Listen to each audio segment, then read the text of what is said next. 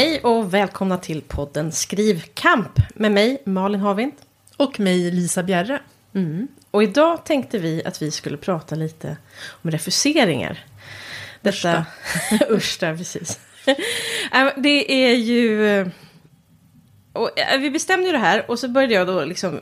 Jag eh, gick tillbaks i mejlkorgen. Eh, och ganska långt tillbaka, för det, för det är ändå, jag liksom har varit förskonad från att skicka in till manushögar ändå ett tag nu. Men mm. jag, jag, grävde djupt. Eh, och, jag, och vad jobbigt det var. Alltså så här att bara, jag, jag kommer liksom, alltså titta på de här, alltså, ja, det var ganska plågsamt tyckte jag. Jag fick, det var mycket så här, det är någon skam. Eh, Just när man läser dem så här efter, nu är det här, alltså det är ju inte, det här är ju manus som jag har Antingen har, det är både manus som inte har blivit och som sen har blivit. Men jag fick eh, jag skämdes lite, och så, men också när man ställer dem på varandra. Och det här är då saker som hände för flera år sedan. Då blev det ändå så hårt, tyckte jag. Mm. Eh, sen få, när man får dem i verkligheten så är det ju mer utstrött. Men det, jag vet att det, känd, det kändes ju, tyckte jag, i perioder som att man liksom... Att det gick och duggade på en. Den här, mm. så. Eh, med det sagt så är det så här, ja det är klart att förlagen måste refusera böcker. Och i, i många fall av de, som, eller de manus jag har skickat, de ska ju refuseras. För de skulle refuseras för de var inte tillräckligt bra. Och sådär. Mm. Men eh, det är ju ändå speciellt. Eh, ja, jag vet inte. Man skickar, man skickar in sitt hjärta. Ja. och så vill de inte ha det. Hur, vad har du för relation till refus? Ja, men jag har ju, jag har ju bara haft ett man, manus som varit refuserat. Och sen har jag haft idéer som refuserats. Så det, var, det var en, ett som faktiskt var ganska hårt. Men, mm. men, eh, men, nej, men jag kan känna att jag ömmar för den jag var för sex år sedan när jag läser dem. Att mm. jag hade så mycket förhoppningar och drömmar. Och jag ville så, alltså jag, jag så, längtade så mycket efter att, att någon skulle bara upptäcka att jag kunde skriva. Mm. Liksom att jag skulle vara duktig. Liksom, eller liksom så. så att, eh, jag tror att jag, jag, var otroligt mycket mer så, vad ska man säga, sökande och o, osäker och otrygg. Liksom, mm. då, förstås, men det är klart. Men, men, man vet ju inte om man, om man kan, liksom, om jag någonsin kommer bli. Och, mm. och jag trodde verkligen det här är min, jag såg det som det här är min enda lotteribiljett. Och liksom, blir det nitlott nu, då är, har inte jag virket för att bli författare. Så det var liksom så svartvitt för mig. Ja. Så att jag, jag kände liksom att jag vill bara gå, så gå tillbaka och krama om henne. Och bara, det kommer bli bra. Mm. Ja, men, faktiskt. Men, ja. Ju. men samtidigt så Samtidigt att, eh, skäms jag lite för den jag var då. ja, ja, gud. Alltså jag får sådana, alltså du vet, med ett följebrev. Jag kan, oh, ja, jag men, får vet, jag, det, det var så, alltså, jag, jag liksom scrollade och tittade åt annat håll, för det kan jag bara inte läsa. Alltså, då jag, dör jag. Ja, tyvärr är det en sån grej som dyker upp i mitt huvud med jämna mellanrum. Min så här, formulering. Slut, ja, slutklämmen. jag, jag, jag, jag tror att Vågar nästan, du dela med dig? Ja, men, ja, det var näst, jag tror att det var nästan var ordagrant så här. Jag, så här, jag är redo att börja arbeta som författare med allt vad det innebär. I vakt. och jag ville så att de skulle förstå liksom, att jag, jag vill satsa, jag kan satsa på det här. Mm. Den som enda i hela Sverige som är... Den enda i hela Sverige som är verkligen redo för att satsa, så ta mig, jag kommer jobba hårt. Mm. Det, och det var så naivt på något sätt. Mm. Och, då, och det var det som känns jobbigt, att man liksom känner mm. att jag hade liksom ingen... Alltså för jag, jag tänkte då, innan jag, alltså när jag skrev, då tänkte jag så här, jag behöver inte hålla på och, eller för jag såg andra som mm. höll på eh, och la väldigt mycket energi på att fundera på marknadsföring och grejer. Vilket, Innan de blivit antagna? Ja, och då mm. kände jag så här, nej, det där tror inte jag är rätt sätt att hålla på. Liksom. Utan jag tror att fokus ska ligga på att få färdigt ett manus och mm. lära mig skriva. Liksom. Det tror jag också, det är jättebra. ja. Men det som, det som hände då var att jag nästan alltså, skyggade från att lära mig så mycket om branschen. Och jag kände, på ett sätt kände jag att jag ville kanske skydda mig själv för att man mm. Alltså det finns ju en risk att man så tappar energin och liksom tron om man bara, ja men det är en vet, så här, en promille som blir antagen. Alltså alla de här trista fakta mm, som finns mm. då. Kring, kring hur, hur smalt och litet nålsögat är och så vidare. Mm. Fast det är ju mycket bredare idag. Eftersom det finns så mycket större utgivning. Mm. I med ljud och är liksom digitala. Men det är ju fortfarande ändå knepigt så att säga. Eh, även om det är lättare inom genre litteraturen nu, liksom deckare och feelgood. Men hur Men är det inte också ja. att fler skickar in, tänker jag? Eller jag det vet inte Men jag tror inte att det är fler, liksom, att det blivit så mycket fler på sex år. Fast jag menar, Nej, under pandem- pandemin var det ju fler manus. Mm, det. Mm. Men det absolut det är ju jättemycket fler säkert om man tittar 20 år tillbaka. Mm. Men det här som har hänt från ja, men 2016 och framåt, eller 17, det är som att det är så mycket så här Mm. ljudboksförlag, ja. Mm. alltså att man ger ut 350 te- deckare om året i Sverige. Det gör ju ändå att det är mycket, mycket lättare att få ut en bok. Mm. Liksom. Så att, ehm, ja men, så, men vad fasen tappade jag tråden här? Jo men, jo men, ehm, ja men fasen var var jag någonstans? Eh, ja, vad pratar vi om? ja, det var det här med refuseringen va? Men Jo, men just det. Jo, men att... att ehm, nej, men jag trodde att det var den enda chansen och så vidare. Liksom, och, jag menar, och eh, ja, men vi, vi byter. Jag tappade tråden. Den, Ja. den är på gång. Nej, men alltså, ja. man, man pratar ju alltid om det här. Att, att det, ja, men det finns ju då de här standardrefuser som är väldigt så korta. Eh, Man, man får ju som ett standardmail. Eh, som är tack men nej tack i princip. Eh, olika trevligt formulerade är de, kan man konstatera. Jag ska rangordna för, nej det ska jag inte göra. Eh, men, eh, och sen kan man ju få lite, lite mer, ibland får man ju kanske någon liten kommentar eller sådär. Eh, och, och, men det är inte så mycket mer. Att det var välskriva fi, eller liksom sådär. Jag har en, någon här, ska jag hitta en, en som jag, eh, en gammal som jag fått här.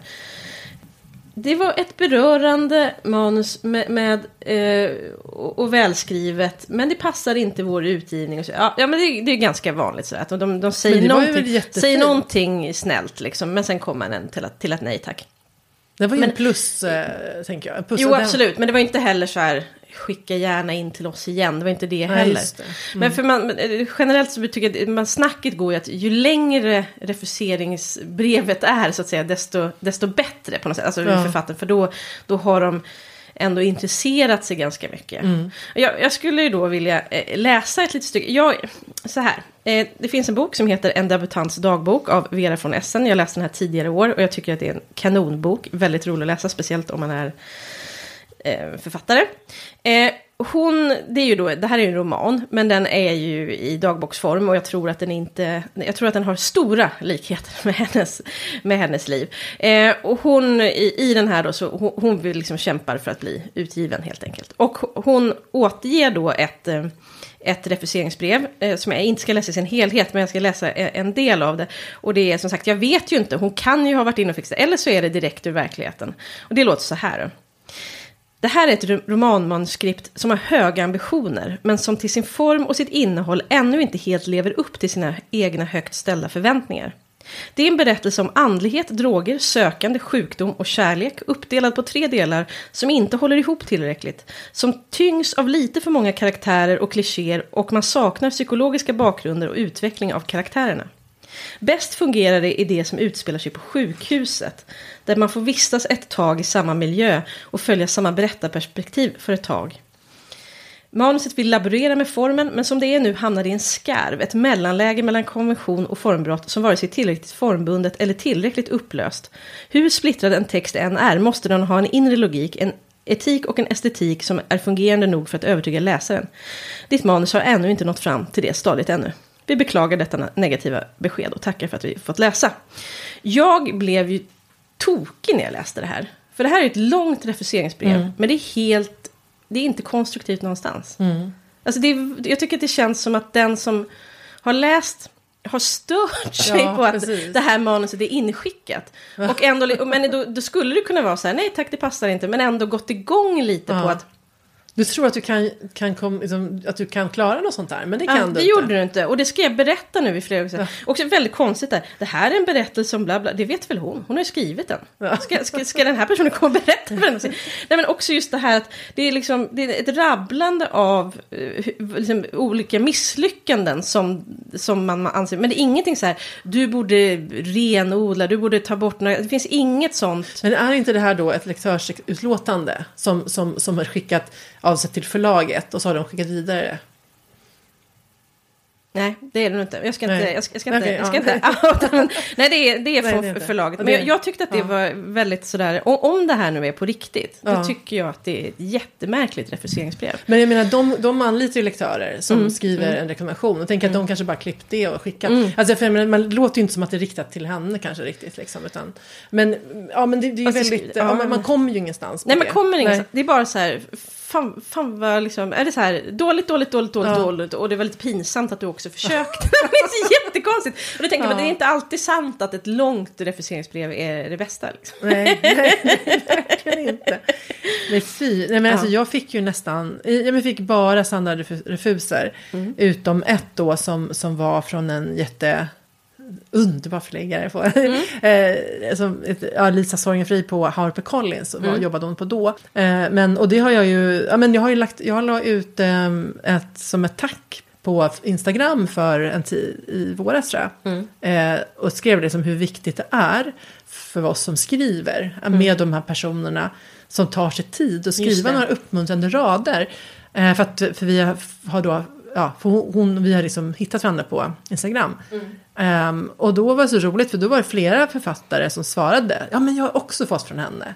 Så att det känns som att hon har liksom verkligen ja, men tagit sig tid och uppmuntra oss. Och, så här. och det, det känns så fint att, att, eh, att, man, att eh, de som gör det liksom. Ja men precis, för det är ju, det, det, som, det ligger i deras arbetsuppgift att säga nej till en massa människor. Och det är helt rimligt och det är bra. För det, jag, jag är nog inne på att, ja, det, det, det är kanske är fler som borde få nej. Nej men, nej, men det, ja, jag vet inte, det var dumt sagt, jag tar tillbaka. Eh, men, men att det är, det, är liksom, det ingår och det vet man om och det ska man veta om. Eh, men... Men det är ju fint som sagt om man inte liksom trycker till människor när man säger nej. Nej, Det är alltså, faktiskt väldigt onödigt att trycka till. Det finns liksom inget av, att vinna i att Nej. trycka till. Och, och en del, det finns ju en del standardsvar som är Hårdare ja, än som det. hårda. Och du vet att vi pratade om förut här, ett, att det finns ett förlag som har den här, ja, men, som menar ungefär att ja, men ditt manus är inte tillräckligt övertygande för publicering. Och det kände jag att det sved, för då känns det verkligen som att de har liksom tänkt till och bara, det här var skit. Liksom. Ja, men så det är ju deras standardrefus, men den är bitsk tycker Ja, jag. jag tycker jag också. Då finns det ju många andra som är, som För, är ja, men, trevliga. ja men precis, för man vet ju att det kan, menar, att det kan bero på, jag menar, det är klart att de kanske har olika nivåer då. Mm. Jag menar, för du vet ju att jag, jag har ju, när jag spelat in de här Ordfronten special med Pelle Andersson och jag har fått möjlighet att ställa frågor till honom, Mm. då har han ju berättat, och jag tycker verkligen att om man är intresserad av förlagsbranschen tycker jag att den de är värda att lyssna på om Mm, man gillar liksom poddar för att, han, alltså, för att han är så ärlig och bra och ger massa bra information och svar. Men, men i alla fall, då, då läste jag ju upp min refusering som jag fick av Ordfront. Mm. Eh, för då har ju de då, han kallar det för minusmanus. Alltså alla som är liksom inte ens intressanta att beakta. Nej. Och sen fanns, finns det ju manus då som ändå liksom, ja men som är, får en positiv, alltså på en stärkande refus, alltså vad ska man säga, en positiv refus. Mm, det, att, Och då har de ju två olika knappar liksom. Eh, så att trycka på min, det där är det man har tänkt i sin ma- ma- vildaste mardrömsfantasi Mm. att det är så. Eh, liksom röd knapp och sen så här, du får skicka tillbaka igen, Eh, du ska inte göra dig besvär. Och då läste jag upp mitt och då, och då blev han ju lite generad, för det var ju då ett minusmanus. Höra, det, ja, men då låter det så här. Tack för att vi fick läsa ditt manus! Utropstecken. Tyvärr har vi inte möjlighet att anta det för utgivning. På Ordfront publicerar vi bara cirka 30 nya tit- titlar om året så trängseln om utgivningsplatserna är stor. Men om du skriver något nytt får du förstås gärna återkomma. Mm. Men det tyckte de ju inte. Det var ju en lögn. Han ville inte alls att jag skulle återkomma. Fast det ville jag ju, för du har ju trots jo, jo, men liksom, det här är ändå minusmanus. Mm. Ja, jag så, fattar. att, så, att, så att jag trodde ju som det stod så, tänkte jag att det måste ändå ha varit då. Liksom. Men det var min... min det var de, liksom, ja, det, det, de kan ju inte skriva snälla skicka aldrig något igen. Nej, men, men, men, Men det där var ju faktiskt, för mig, det där låter, jag hade inte trott, jag hade trott, för jag tyckte att det där var ändå, det var vänligt Ja, formulerat. det var det. Eh, jag hade trott att det kunde vara ännu lite knappare kanske när det Ja, var eh, alltså jag tycker, minusnivån. jag tycker till exempel att eh, Lind Company har ett väldigt trevligt tycker jag. Mhm. Ehm, eller ja, alltså så här, eller så här, det här, nu var jag sex år sedan, de kan ju ha ändrat. Men det är Ja, så här, mm. hej Lisa, vi har nu läst. Tyvärr tackar Lind Company nej till att gå vidare med texten. På grund av ett begränsat titelutrymme tvingas vi refusera även många intressanta manus. Önskar istället lycka till på annat förlag. Eh, och de säger ju inte att mitt manus var intressant, men liksom, det är en Mm. Men de trevlig öppnar- formulering. De öppnar för att det kan vara så. Ja, ja men det är så. faktiskt det är generöst av dem att bjuda Ja. på det. Istället för att bara inte tillräckligt Nej, övertygad. just att just, man, just också trevligt tycker jag att man önskar lycka till på annat förlag. Ja, det tycker jag är en precis. väldigt, så här, liksom, jag menar det kostar ingenting att bara vara lite Nej. vänlig. Och så förstår jag att man inte vill öppna för skicka, skicka nytt eller så. Om Nej. man, liksom, man, vill liksom, man vill kanske inte göda den eh, grisen eller vad man ska säga om man liksom verkligen inte vill ha, ha en ny Nej, de, version. de Det badar ju man som det är ändå i Ja. manus liksom. Ja men verkligen. Men jag har en del, eh, när jag höll på med mina fackböcker då. Ja. Då har jag ändå en del sådana här som är, det är ju verkligen inga långa. Men det är så här, eh, och den typ, jag tycker, jag, och här har vi en så här, stort tack för ditt mejl. Jag känner till dina böcker, känner till, för det hade jag skrivit ett par stycken. Och gillar både idéerna, titlarna och omslagen. Eh, men dessvärre tror jag inte att vi är rätt förlag för att ge ut eh, den här boken. Även om jag själv gärna hade läst den. Men jag är helt enkelt rädd för att vi inte når en tillräckligt stor målgrupp. Eh, och så där också så här att man, att man det, det har jag fått ett gäng av. Typ att det är jättekul, ingen kommer köpa. Och det har de väl i och för sig kanske Ja. lite, lite, lite haft rätt i. Men man får vara glad också att det finns de här förlagen som faktiskt ändå ger ut Ja, lite knäppa ja, men för att de böcker tycker, som, som ingen vill läsa. Nej, jo, men några vill läsa. Nej, men men kanske de- ingen jättestor publik. men, ja, men som säger att det är en viktig bok. Och, och Mm, vill ja men liksom. precis, så att det kan finnas en. Och sen, ja, sen vet man ju, det är ju, ja, men de, ganska mycket vet de ju om, om vad som eh, går och inte. Men, Jo. Även om eh, ibland smäller det till. Liksom. Men, ehm, ja, men det, det, jag, jag, blev, jag blev nedtryckt av att titta på de här gamla refuseringarna. Och Samtidigt blev jag också faktiskt lite förvånad över hur många som jag ändå hade någon form av personlig, liksom, de sa någonting. Om det var så, vilken fin titel. ja, det, var, det säger ju ingenting om innehållet. Men eh, ja, mm, det var... Vilken fin titel. Den fina Ja, jag hade en dålig titel. Jag kallade den här boken... Alltså jag hade ju ingen titel på manuset hela tiden. Och sen skrev, klämde jag mig ur mig Systrami. Och det var väl kanske inte så starkt. Så att det blev väl... Där, där hade jag... Nej, det var... Men det är klart att det inte... Jag vet inte hur mycket det påverkar. Alltså, det är inte så att jag bara... Det hade ju blivit antaget med en annan titel. Så är det ju Ja, verkligen nej. inte. Men, men, men idag kan jag känna att jag hade inte valt den. Utan jag hade hellre, Nej. hellre liksom något annat. Men vi hade hade ju för sig inte heller någon bra titel på... Alltså vi hade ju linje 17 och, den, och det, ju- det har ju många sagt att det är en starkt, starkt Mm. serienamn. Och det var ju Sus- Susanne som kläckte det var liksom, redan från början. Hade, hade det klart. Eh, Susanne Kasselfeld som jag skriver. Eh, Men, men, men, men, men första hade vi bara så här gängkriget. Och det visste vi att det var en arbetstitel. För att det, Mm. blir, det låter ju som en ungdomsbok. Så här. Eh, det låter ju inte riktigt som en spännande deckare. Liksom. Men, men jag tänker att refuseringsresan är ju inte slut. Bara för att man är utgiven. Nej, den kommer kanske se lite annorlunda ut. Det kanske inte Ja. blir liksom, men... eh, Men ja, jag, menar, jag, men- jag, menar, nu, jag, ska ju, jag vill ju bli antagen av agent och förlag på en ny serie. Mm. Och det är ju ingen självklarhet. Varken att eh, Piratförlaget vill jobba med den eller att eh, de, alltså jag, menar, vi, som vi, vi behöver, eller jag behöver söka en, som att Hedlunds agency håller på, Magdalena har liksom minskat sin verksamhet så Mm. behöver jag ju söka en ny agentur.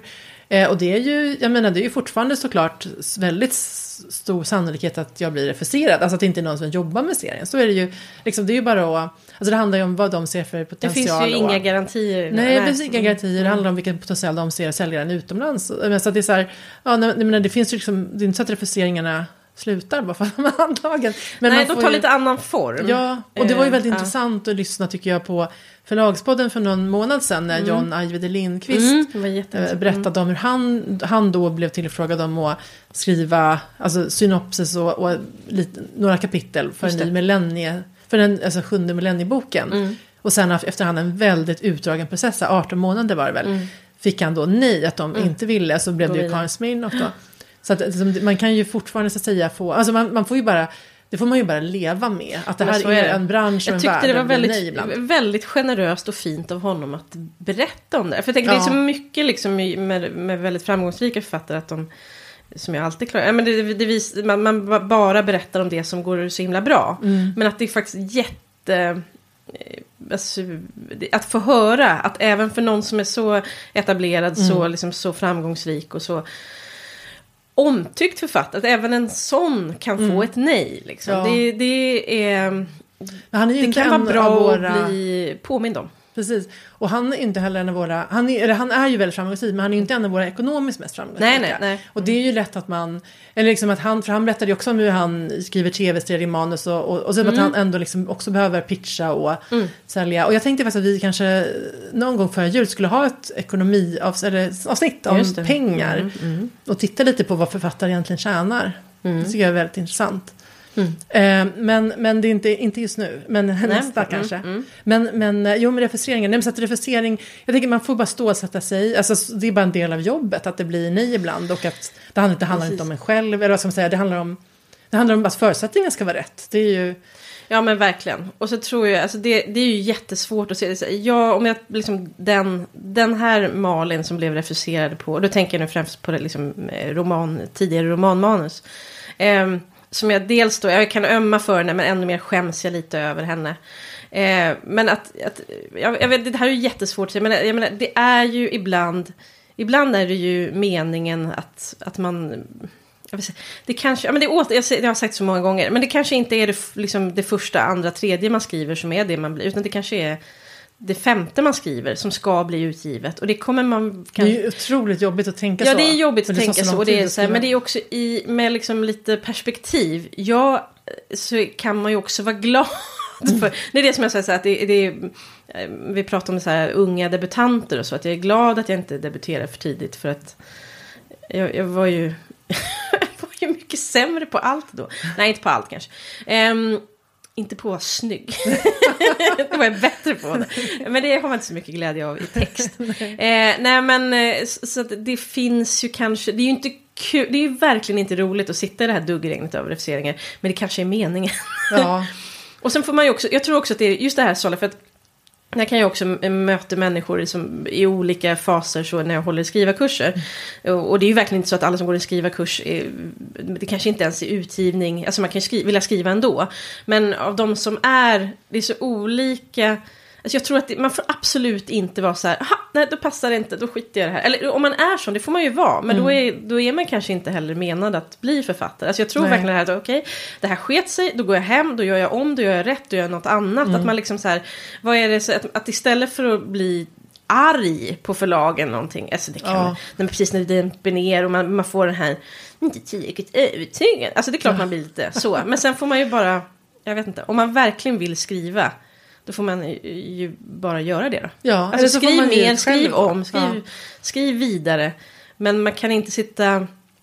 Och det är så dubbelt. Å ena sidan så är det ju så att det är klart att de säger nej ibland till manus som är toppen. För så är det, ja. för det finns så mycket och det kanske bara inte passar. Det kanske kommer ut någonting som var väldigt likt Men oddsen att 14 förlag säger nej till just ditt manus trots att det är toppen är trots låga. Det kan, liksom. Nej, det, det är, är höga, precis. Och det får man ju då tugga i sig mm. liksom. Ja. Eh, att så är det.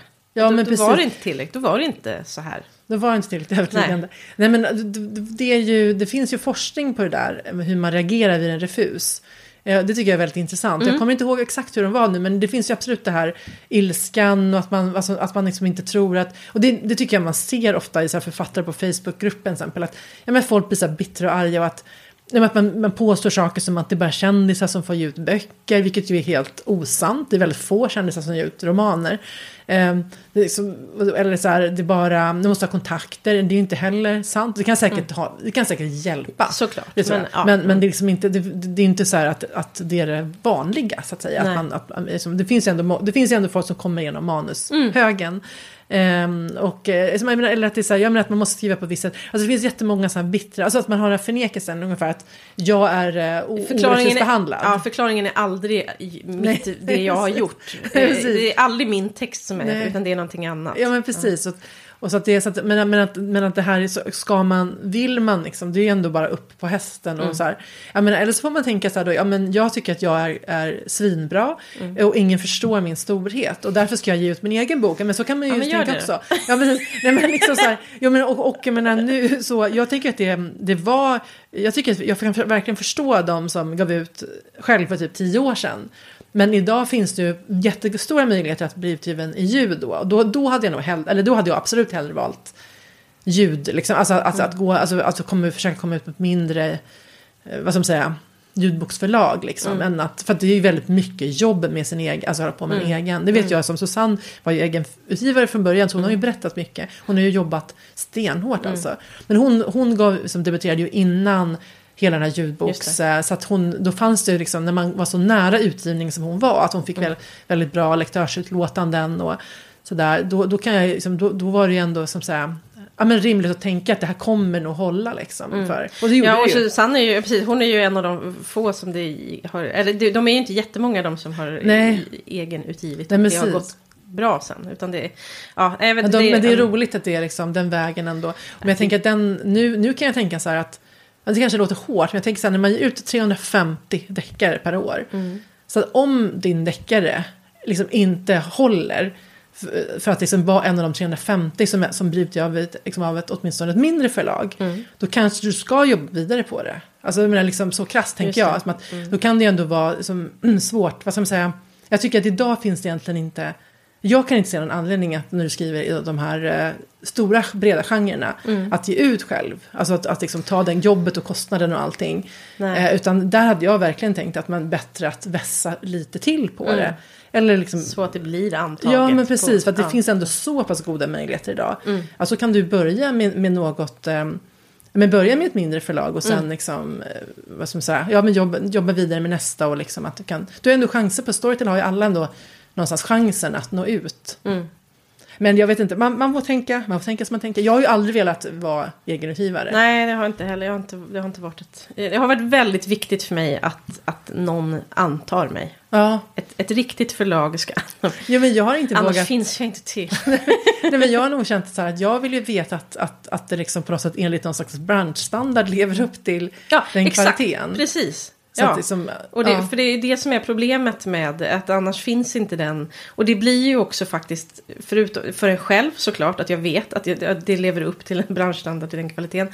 Men också så är ju det på ett sätt, förutom då att det i regel då finns ett mycket, ett maskineri, ett liksom Mm. välsmort maskineri för eh, en bokproduktion liksom, som går igenom, där man liksom har Eh, att det, man bearbetar manuset med Mm. förläggare, med redaktör, med korrektur, allt det här eh, på ett proffsigt sätt. Men så är det ju på ett sätt också en, vad ska jag säga, en liten godkänt stämpel eh, som Mm. även till läsaren. Liksom. Att någon, någon har tyckt att det här, nå- någon som, som kan sina grejer har sagt att det här är tillräckligt Mm. bra för att bli en bok. Ja, och den här lärprocessen var jag ju väldigt intresserad av. Mm. Att få lära mig i den här processen med förlaget. Det var jätteviktigt för mig. Mm. För jag kände som att där har man en möjlighet att utvecklas så mycket. Man, man som äntligen får på tillgång till den Mm. liksom, kunskapen. Jag kom förresten på den här tråden som jag tappade. Ja. det var ju det här med att, jo, att jag, jag på något sätt skyddade mig själv lite grann när jag skrev på första manuset. Mm. Genom att inte ta in så mycket information om förlagsbranschen. Så, tro, så tänkte jag i alla fall då, tror jag. Plus att jag hade ju småbarn, jag hade liksom pratat nog, nog med livet ändå. Men sen när jag då hade skickat in, och, och, ja, det, det var väl någon tidpunkt när jag insåg att alltså, jag vill ju förstå den här branschen. Alltså om jag ska ta mig in här så vill jag ju fatta vad fasen det här är för bransch. Så, och, och så att då, då gjorde jag ju det som en hel omvändning och började lyssna på Förlagspodden och prenumerera- på Svensk Bokhandel Ja. och liksom, alltså försöker verkligen ta, alltså försöker förstå branschen, hur det funkar. Och jag tycker det är jätteintressant och så här viktigt tänker jag om man ska ändå verka i den. Och, Ja, alltså vi, vi är ju inte en del av förlagsbranschen, för vi, alltså, vi är ju inte anställda av förlag, men man är ju i, allra högsta grad beroende av den Mm. och att förstå hur saker fungerar för att så här, ta sig fram. Mm. Så att det, ja, Ja, men det, jag tror att det, det har man ju... Alltså det, är inte, det är inte det första man behöver göra när man sätter sig och skriver. Alltså, men när man väl... Det, det, det, ja, det, jag tror att det, det är bra att ha lite koll i varje fall. Ja, men det tror jag också. För det är också så här när man, om man, jag menar, man, en, ibland får ju folk erbjudanden från flera förlag och man har kanske, man får ett erbjudande ge ut på, eller om man får en hybrid eh, erbjudande och kanske ställer det mot att skriva om och få möjligheten kanske på ett traditionellt förlag. Alltså hur värderar man det här? Hur, alltså, så här ja, man ställer sig ändå inför olika alternativ och fråga, liksom, alltså, så här, val, tänker jag, under loppet så. Så att det, det kan vara bra att ha lite förståelse för det där, tänker jag. Mm. Hjälpsamt, så man, så man liksom kan fatta bästa besluten för sig själv. Mm. Ja. Men, eh, men, vad heter det, ja och jag sen, en annan, ja förlåt du ska säga någonting nu. Nej, jag, nej, om du hade... För jag, jag var inne på att börja pladdra om något helt annat. Ja, så säg det. Ja men nej, det var jag också, så du kör, kör först du. Nej, men jag tänkte, alltså, re- refus det är ju ena änden av, av det hela, en mörk del, men som ingår och så vidare. Ehm, jag tror också att det är, det tänker jag också, jag tror att det är lite bra, för, alltså att man, nej, bra. Jo, men jag, jag tror att alltså, de få som får så här, åh, de skickar in sitt första och det blir bara antaget direkt. Det tror jag är farligt för deras självbild. Ja, Eh, men det, ja, nej, men det, det är ena änden. Om man tänker på den absolut mest... man får bara tillägga där. Ja. Det sa faktiskt när vi hade vårt första möte med ag- ag- Hedlunds ag- agenten. Då sa ju han ändå, den agent vi hade, det var ju Magdalena och då Mm. eh, Martin Kranis som var där. Han sa det, ja, men jag tycker att det är jättebra att ni har blivit refuserade, att ni liksom har gått den långa vägen. För att personer som, som inte har varit med om det kan få väldigt svårt att hantera motgångar liksom, Ja. längre fram i författarlivet. Och det tänker jag också att man har liksom ändå prövat, så man har klarat av de här Alltså man har, man har haft en uthållighet, man har tvingats utveckla en uthållighet. Man, Jag hade ingen uthållighet överhuvudtaget innan, men man har liksom ändå tvingat sig att utveckla den. Ja men det tror jag. Och just det här, det här okej nu fick jag det här, jag blev lite sänkt, men att man ändå fortsätter, att liksom fortsätta jobba på. Ja, För det är det som på något sätt sållar liksom. Ja, och man kommer ju, ja, men jag tänker också det, vi har ju exempel fått ett Excel-ark av vår agent så här på alla förlag de har skickat till i liksom hela världen. Så jag menar, apropå det här, alltså att det kan kännas svida med refuser. Jag har ju liksom sett de här listorna. Nej tack, nej tack, nej tack. alltså, det, det, är liksom, det är ju också en refus. Alltså, jag menar Ja, liksom att, ja, att, att, att svenska förlag och, eller, och utländska liksom tackar nej. Alltså, jag menar, här, man, blir, man kommer ju bli refuserad på olika nivåer hela tiden. Alla kommer inte alltid att lägga ett bud på din bok. Liksom. Nej, precis. Och om man är en sån som i sitt första, liksom, sitt första färdigställda manus skickar in och blir antagen direkt, ja, men så då tänker man nog kanske så här, jag är, jag är särskild, det är något speciellt med mig, jag är särskilt utvald, och nu ska allting bara glida som liksom genom Precis, räkmackan är Ja. serverad. Mm, ja, men det, det är nog, det, jag tror absolut, jag tror att man, eh, en, Det är en karaktärsdanande. riktig författare ska ha blivit refuserad. Ja, men nu skulle jag till andra ja, änden. lite är man väl avundsjuk också. Alltså, Ja, man, det är jag. Jag är jätteavundsjuk. Vad tror du? det verkar väl jättehärligt att ha sluppit. Men nu har jag inte sluppit, så då måste jag... Försvara det. I andra änden av spektrat. Releasefester. ja. Hur, vad har du för relation till release? Ja, ehm, vi har ju haft två releaser. Mm. Eh, nej men jag tycker att det är väldigt roligt. Och att eller gå på release är ju jättekul. Eh, nej men jag tycker att det är väldigt roligt. Och sen har jag väl funderat mycket på jag menar, i och med att man, alltså, man har ju lyssnat på förlagspodden, gud, jag höll på att referera dem hela tiden, men det, de, är ju, de säger ju spännande saker. Eh, det här, de var inne på det här, hur mycket för, releaser orkar förlagen hålla? Ja. Och jag tror att jag har nog svängt i den här frågan, därför att från början hade jag nog inställningen att det är klart att, man, alltså, att ett förlag ska ordna en releasefest. Liksom. Att det känns ju, alltså, jag menar det, det, det är väl liksom, eller inte att jag tog det för givet, men jag tyckte liksom att det var någonting ändå som hörde till. Liksom. Att, man, att man gör något firande. Men nu, har jag verkligen, förs- nu kan jag verkligen förstå med den här ökade utgivningen, att om man tänker på människorna, liksom, det är människor som ska, Som ska jobba det är, med- precis, ja. det är inte så här att man kan tycka så här, det är klart att, jag kan fortfarande tycka så här, det är klart att förlaget ska kunna kosta på 3000 kronor i budget till en fest. Men jag kan verkligen tänka att det är nog kanske inte, det är ju inte liksom rimligt att de som jobbar där ska ha så här mycket kvällar av sin fritid som, liksom, som, som ska liksom ägnas åt det här. Nej. Att det känns ju som att det är, när utgivningen växer så funkar ju inte det. Vad Nej. tänker du? Nej, men, men det, det är ju helt så. Alltså, det, jag tror att jag, det var faktiskt en av de saker som innan jag var ute, jag var, jag var väldigt, det kanske var att det var, du vet, att releasefesten, jag hade, jag hade varit på en enda releasefest eh, innan, innan min egen första. Eh, och och det blev som att den där, att det blev väldigt mycket av min den här, att jag ska ut på andra sidan, bli antagen. Alltså det kretsade kring mycket kring den här festen. Det blev viktigt av någon anledning. Eh, vilket också gjorde att när jag hade min första releasefest för min första fackbok då, så var det liksom över hundra pers som jag personligen har suttit och bjudit, du vet. Och eh, jag, alltså, eh, Fri Tanke var jag på det, kom ju liksom, de bidrog ju då med, med, en, liten, med, med en summa, några, och sen med resten bekostade jag själv. Och eftersom vi drog på, så att säga, så ja, det var ju ganska, ja, det, det, alltså jag verkligen gjorde en jättefest. Hyrde en jättepampig lokal, lagade Oj. mat. alltså så Wow. snittmat och så vidare. Tvingade också lite människor runt omkring mig att bidra. Alltså det var, ja, det, det, men det var ju, det var ju nästan ett heltidsjobb. så det, men det var väldigt kul att ha gjort det en gång på det där supersvulstiga sättet. Så. Eh, men då var jag på, men, eh, och sen har jag haft lite olika sorter. Eh, men sen jag hade min release för De kom från öar med Piratflagg. Gud, alltså jag behövde ju att just det här bara komma dit och inte behöva lyfta ett finger. Oj, vilken lyx. Alltså verkligen. Ja. Men absolut, jag ser ju, jag, jag tycker att det är roligt, men jag förstår ju verkligen att det är, alltså, det är ju bara jag älskar det, men det är bara ett daltande Mm. med, med våra eh, dallrande författaregon. Det är ju bara det, för jag förstår att det är inte... Okej, men det, det är klart att det, det säljs eh, lite böcker, men det är ju inte liksom som, så att det, det- mots, nej, motsvarar vad det liksom insatsen. är insatsen. Jag tycker att det är kul att det finns, men det är ju verkligen ingenting jag... Eh, jag, först, jag, liksom, jag, jag tycker inte att man... Jag vet inte, det, det, är som, det är som en rolig bonus, man kan kanske inte kräva det. Och så beror det lite på hur ofta man kommer ut med en bok och också. Ja, precis. Du, jag menar, ja, för du firade ju ändå lite lugnare sist nu. Ja, andra boken, precis. Då var, då var jag, liksom, förlaget och jag var ute och åt en mycket eh, fin eh, lunch. Liksom. Men det var, Ja. det var ju inga andra med. Men det är ju också, på, på ett annat sätt så är det...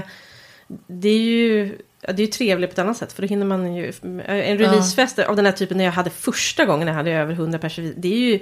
Det enda jag kan likna det är ju mitt eget bröllop. Förutom att jag då inte delade det med någon. Alltså det var bara... Alltså man, Och bara jag. det är bara jag. Och man, man hinner ju inte prata en hel mening med någon. För att Nej. man är liksom bara ett enda fladder så. Eh, Medan man då är ute med förlaget. Då sitter man ju ner och har rediga samtal. Ja. Det blir ju olika typer av tillställningar. Liksom. Ja, ja nej, men jag kan verkligen... Nej, men jag tänker att eh, det, blir nog en lugnare för oss. För vi har ju precis har haft en fest i, i maj. Ja, ni, när ni ska vara så tajta hela tiden. Ja, precis. Att jag menar, det, det tror jag inte att vi... Alltså vi kan, ja, nej men jag tror att det blir rimligt att ha någonting, alltså att man har, äter lunch eller tre liksom någonting. Men, men, men jag, jag känner ju att det är socialt är det väldigt kul och man, nu har ju en del skrivarvänner och så, alltså det är ju väldigt kul att träffas så. Ja, men det är det ju verkligen. sen, och sen kan jag ju känna att mina egna vänner kanske liksom vad heter det, sackar lite. Liksom, att de kan väl, jag, alltså, jag har ju väldigt fina och stöttande vänner. Men jag kan också känna så här, de, de, de, alltså, hur jag ska uttrycka det. Jag förstår ju att man liksom inte orkar springa på folks release. Alltså så kul är det ju inte om man inte är skrivande. Det är väl så snarare. Alltså det kan ju vara spännande att vara med. Men jag tänker så här att, ja, till exempel när vi hade Vinterbadsboken release då. Då, då var ju det, mm, alltså, det var inte jättemånga av mina vänner, alltså det var, några, det var några av mina vänner som dök upp. Men, men då hade jag ju haft en release, så här corona-release precis i maj och så kom det här i oktober. Du ger för Eh, många böcker, det är det liksom. ja, men jag förstod liksom att, jag tänker så här, jag tror att många så här, som, som, har, som har känt mig och som har, alltså jag har ju också berättat om mina, refuser, mina refuseringar så på Facebook. Så jag vet att det var många som jag har känt länge som var så här, vad kul liksom, du har verkligen kämpat. När, jag, när vi, när Ja. vår första, alltså ensamt vittne, den skönlitterära debuten. Men sen att man då fem månader senare bara, ah vadå en till? Alltså, så, här, liksom, då var liksom deras eh, omtanke kanske lite förbrukad. Eh, Men ja, ja. Det tänker jag jättemycket på så här ibland när man, eh, men i i sociala medier också. Mm. eh, Att jag kommer, jag, jag kommer så himla, jag kommer ihåg när jag kunde berätta första gången, åh nu har jag blivit antagen med det här", och liksom den, och så mycket lyckönskningar man fick. Och det dyker upp såna människor som man, som man känner från förr men inte har pratat med. På, du vet, och, folk önskar, och det, men för varje bok man kommer ut med desto mindre bryr sig folk. Ja. Eller kanske till och med att de blir lite irriterade. Åh, ska du skriva en bok till? Säger du det? Man får mindre och mindre kärlek. Ja. Och sen man kanske då följer någon annan som precis har blivit antagen och så ser man den här lovebombingen som, som kommer där. Som är, det är ju helt, för det är ju något speciellt det där första. Man säger ju ingen, jag har också skrivit en bok. Ja. Skicka hjärtan till mig då. Men det finns, jag tänker att det finns ju en, en trend att, alltså, att, att det blir mer och mer att skrivarkompisar, författarkompisar, att det blir liksom tillfällen för för författare att liksom, och folk som skriver liksom, att bli så aspirerande eller kommande författare och, och författare, att träffa varandra på de här tillställningarna. Och det kan jag förstå att det blir ju liksom inte för förlag, alltså det finns, precis som du säger, det blir ju bara författarvård, det blir bara för att vi ska vara glada. Och då är det liksom så här, ja men, ja, jag vet inte, kan man begära det att de ska stå på sin, ja, sina lediga kvällar liksom? Nej, egentligen inte. Men- Men, men jag vill vara- fortfarande ja. säga att det är väldigt roligt. Det är väldigt- det roligt jag är jätte, jätteglad att, alltså, Att, ja, ja, att, gud, att, alltså, vi fick det var också ha så det. Mm. fint ordnat. Och så. När, när jag hade, för de kom från Ö, då hade de fixat där.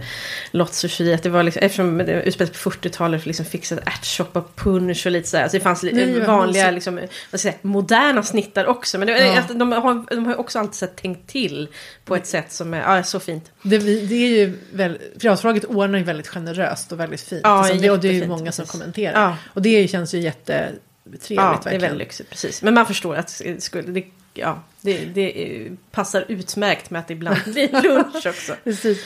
Men, men, men man kan, precis, man kan hänga, det är väl kanske lite så här som att man tar nya författarbilder, så här, första boken i en serie Mm. till exempel. Och då kan man kanske man har lite, firar lite större med första boken. Alltså så här, Ja, man, det är väl så ja, man får, precis. kan, kanske, jag vet inte, vi får se vad förlaget säger. Det är ju de Ja. som bestämmer det ju. Att, Ja, men jag, jag tycker att det är lite hur, jag, hur mycket jag hur mycket jag tänkte på det här med min första, då min fackboksdebut. Alltså jag, jag var helt besatt av release. alltså det blev en så himla, himla stor grej. Och så blev det också en stor fest. Men det, ja, det, det orkar jag aldrig göra om. Men inte på det sättet att man gjorde, alltså jag gjorde så mycket själv. Men det, det var kul eh, då.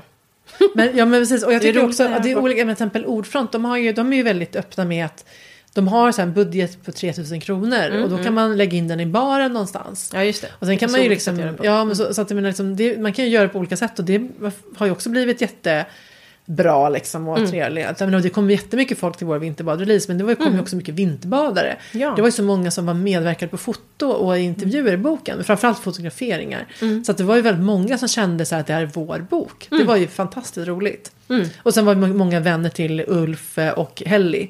Som ju Just är fotograf och formgivare. Så att det, det var lite, ja, jag ska inte säga, det var inte så många av mina vänner, men det var helt okej. jag förstod att de hade liksom, bara, "Nej, en gång till. Nej, men ehm, jag är tacksam för de som dök upp. Ja. Men, ehm, Men det är så konstigt, det som är konstigt med release, det är så verkligen, det är ju så långt ifrån kärnverksamheten som det går att vara. Och det det kanske därför det är så härligt också. Att man liksom har suttit i sin egen, i, sitt, i sin egen skalle väldigt länge. eh, Och tragglat och tragglat. Och, och det är ju eh, ensamt. Och det, nu säger jag ensamt med allra varmaste. För det, jag älskar det. eh, Men att sen då plötsligt en dag. Och så kommer man bara ut och får vara wow, fira liksom. Och champagnekorkar i tök. Ja. Ja. det är väl superhärligt. Det blir en, en eh, lustig kontrast till hur det ser ut oftast. Ja, precis. När man sitter och hukar med pissdålig hållning. Och samtidigt är det ganska påfrestande, eller så det är ju roligt, väldigt roligt men det är så mycket nerver kring utgivningen. Mm, Att jag också tycker att det är ganska påfrestande att vara så här, alltså om man inte, om man inte är en sån person som naturligt vill vara i centrum hela tiden. Mm. Eh, jag kan absolut inte att jag är väldigt blyg, men, liksom, men, men, men jag kanske inte riktigt är så att jag vill ha all uppmärksamhet på mig. Så. Mm. Men, men, men, eh, eller ibland kanske man vill. Men skitsamma. I Mm. vilket fall, när man är så här skör, eller för jag känner mig skör i så här releaseögonblicket. Så det är ganska så här, eh, ja, men märklig situation. Att man är så här skör och vill bara liksom ligga hemma i fosterställning och bara, "Åh, tänk om ja, min bok kommer hata min bok. Och då ska Just man stå. Men det är väldigt fint då att känna det här stödet från, från människor som tycker Ja. om en och som vill en väl. Ja men Det precis, man är omgiven av ja, ä- ä- Kärlek. Kär, precis, all, alla, alla där vill att det ska gå bra för boken. Ja, och sen det några, några som är där för att få lite gratis Ja, champagne. det eller, eller bubbel. Eh, Och sen, jag, jag har bara en sista reflektion. Och det är så Mm. att det kanske låter dramatiskt men alltså, jag har insett i, i relation till skrivandet att jag Mm. ångrar inte längre mina barn. Jag, jag, jag, jag, har ju aldrig, jag har aldrig ångrat mina barn. Nej. Men jag, har, jag vet att förut så kände jag en viss eh, bitterhet. Alltså över att jag kände så här att jag visste inte. Liksom. Jag, jag, har alltid varit själv, jag har alltid velat ha barn. Alltså inte så här en fysisk längtan men känt att men det är ju så här upplevelse liksom, man vill vara med om. Så. Ehm, men, men jag kände länge så att det tog så otroligt mycket av min tid. Alltså liksom, att, det, att det kändes nästan som att det, det går, man får så olika förutsättningar. Alltså om man, är, om man är en författare, skrivande person utan barn så har man ju så jävla mycket mer tid att Gud, tänka, att liksom skriva. Och det kände jag en period var orättvist. Eller det kändes liksom som att det kändes som att här, det här visste liksom inte jag. Jag visste inte att jag skulle vilja ha den här tiden till mina tankar och mitt skrivande. Eh, Och jag visste inte hur oerhört mycket tid det skulle ta att ha barn. Men nu känner jag, nu är mina barn blivit 8 och 11. Och de, nu börjar de ju bli så pass eh, ändå självgående liksom. Att det, alltså det är klart det är mycket omsorg fortfarande. Och jag menar, man, jag vill ju umgås med dem. Men jag, känner, jag känner, insåg bara det här dagen, nu känner inte jag den, den bitterheten längre. Alltså att nu känns det som att man är över den pucken. Att Nu kan jag faktiskt få tid till mina tankar och mitt skrivande. Ja, fast sto stora barn är det bästa. Ja. Ja. nej, men jag var också, när, när liksom, jag, alltså det är mysigt med bebis, men annars, jag är, det är inte min, det är inte min prime time som eh, i föräldraskapet, det där eh, s- Men jag tycker att, småttig eh. Liksom, eller framförallt så här ett, två, de är ju jätte, Nej, jätte, jättegulliga men helt förjävliga att leva med. Ärligt Ja. Och jag, jag är också, nej, men jag hade ju ganska mycket, jag, jag kände mig bestulen på mig själv mycket. När jag blev för, alltså jag, det, jag, jag, man vet ju inte innan hur det påverkar en. Liksom. Mm. Jag var ganska länge i en ganska stor chock. Och just att jag kände att jag, att jag fick inte... Jag fick inte vara mig, göra det, alltså sådär, att man kände sig sliten i tur på något sätt. Fast Mm. man såklart vill vara med sig, men man vill också en massa andra saker. Ja, Men eh, som sagt, nu känner inte jag den konflikten alls. Nej. Utan det är bara som, de finns och det är jättebra och mitt skrivande finns och det eh, går upp och ner. men det är jättebra att det finns. Ja. Eh, men eh, ja, nej, det, det, det samexisterar i harmoni. Ja, Nej, Ja. det är så mycket, ja, det, så finns det ju andra saker som är, men det på det stora hela underbart med stora barn. Verkligen. Det- Och det är väldigt skönt också att känna att det, att det, liksom, ja, men att det kan få vara så. Och, Mm. Men jag kan fortfarande verkligen ha full förståelse för ja, men exempelvis Lena Andersson som är så här, jag väljer att inte ha barn därför att då får jag mina tankar i fred. Alltså jag kan verkligen Mm. fullständig förståelse för detta. Ja. Eh, och tänker även på det i, vad heter det, samlade verk, eh, Cecilia, som liksom flyr familjen. Jag tänker Mm. att man, att för liksom leva sin egen, Mm. eh, få, eh, värna sig själv på något Ja, sätt. Liksom. ja. Det är ju, det är inte, nej men det är inte, det är Det är tragiskt. svårt, men man förstår. svårt att, att eh, räcka fullt ut till alla Ja, men delar. precis, ja. Så är det ju. Men det blir, till de som har små barn kan vi säga, det blir lättare. Precis. Nu passa på att njuta. Ja, vilken, vi, ja, för fan, nej gör inte det. Nej, det är verkligen. Vi får tycka synd om själva. Ja. Ja, gör det. Tycker Ja, jag. men, eh, ja, men ska vi avsluta på den tonen? eller vad Ja, det gör vi. Mm. Tack för att du har lyssnat. Tackar.